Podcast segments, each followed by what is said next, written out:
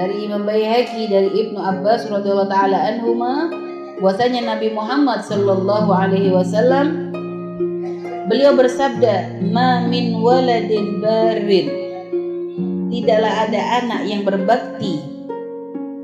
Ya barin itu yang maksudnya berbakti kepada orang tua yang turu ila walidayhi.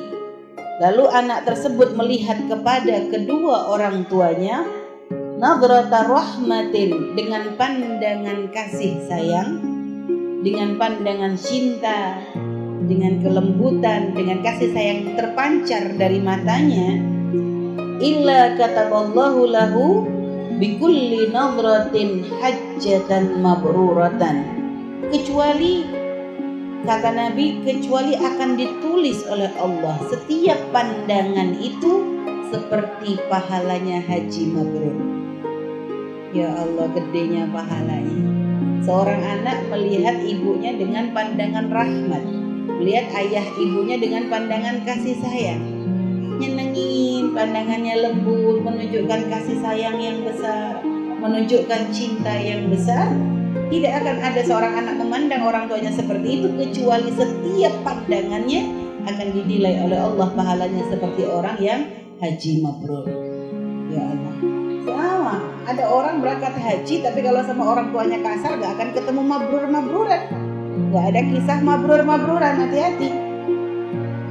Akhirnya kalau Lalu sahabat-sahabat Nabi penasaran nih, ya Allah ngeliat orang tua pahalanya segede itu. Lanjut mereka bertanya, wa inna darakulla yaumin mi'ah marrah ya Rasulullah. Kalau ngelihatnya sehari itu sampai 100 kali gimana ya Rasulullah? Akhirnya Nabi berkata, "Qala na'am." Sama mau lihatnya berkali-kali pun setiap pandangan dinilai segitu pahalanya. Di situ Nabi itu bertakbir Allah maha besar watib dan maha bagus menunjukkan gak terhitung deh kalau modelnya seperti itu artinya setiap coba bayangkan kalau anak berbakti gak akan sekali melihat orang tua begitu selalu dia akan melihat orang tuanya dengan pandangan kasih sayang dengan pandangan cinta dengan pandangan kelembutan Bayangkan berapa besar pahalanya. Makanya pahalanya orang berbakti itu besar sekali di hadapan Allah.